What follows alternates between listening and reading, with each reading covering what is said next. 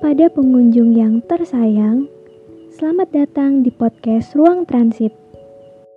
Para pengunjung dipersilahkan untuk rehat sejenak sambil mendengarkan cerita dari kami.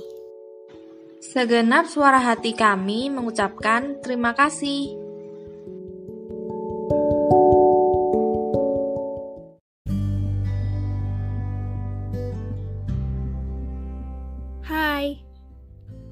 Kayaknya udah sahabat ya kita nggak ketemu.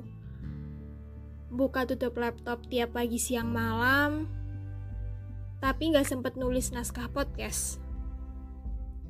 Sebenarnya podcast ini udah aku tulis dari bulan Desember kayaknya.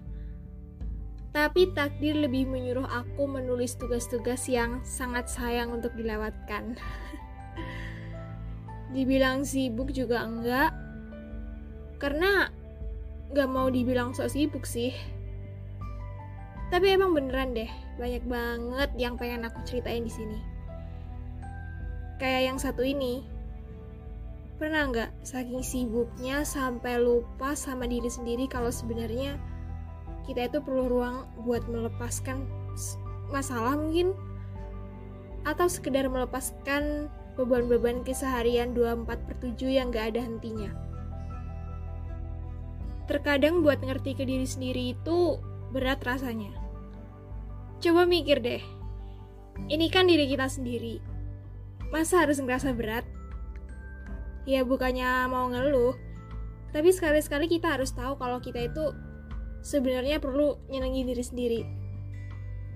Butuh tempat buat ngobrol, buat introspeksi diri kita selama ini kayak apa. Juga tempat ngobrol buat kita ngebuka pikiran kita.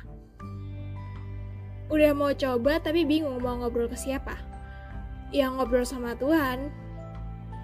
Bilang sama Tuhan. Curhat ke Tuhan sebenarnya kita ini sedang apa. Tapi ngomong sama Tuhan itu kan emang udah seharusnya. Maksudnya di sini tuh di real life kita kayak bener-bener gak bisa kalau individu. Kalau ke Tuhan itu udah pasti tapi kita nggak bisa yang benar-benar sendirian, nggak ada teman sama sekali.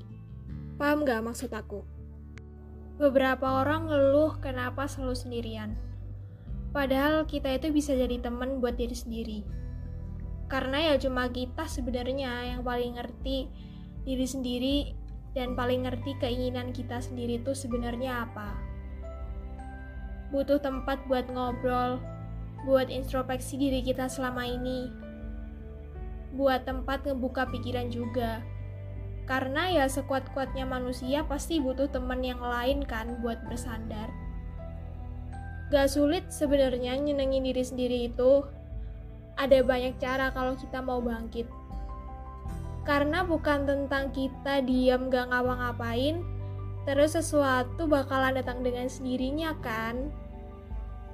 Sesuatu itu bakal datang kalau kita ngelakuin sesuatu itu aja sama siapa pun yang buat kamu merasa lega.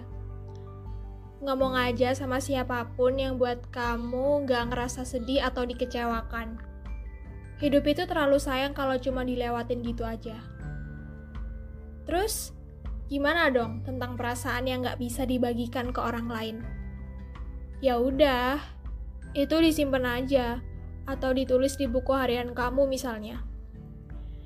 Ingat ya, dipendam buat konsumsi pribadi, bukan buat menyakiti diri kamu sendiri.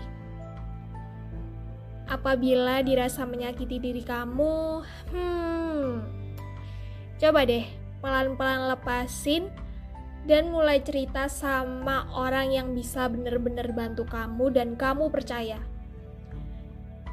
Ya emang agak susah sih. Tapi kalau belum dicoba, jangan dulu bilang susah deh. Masa bisa menyelesaikan tantangan?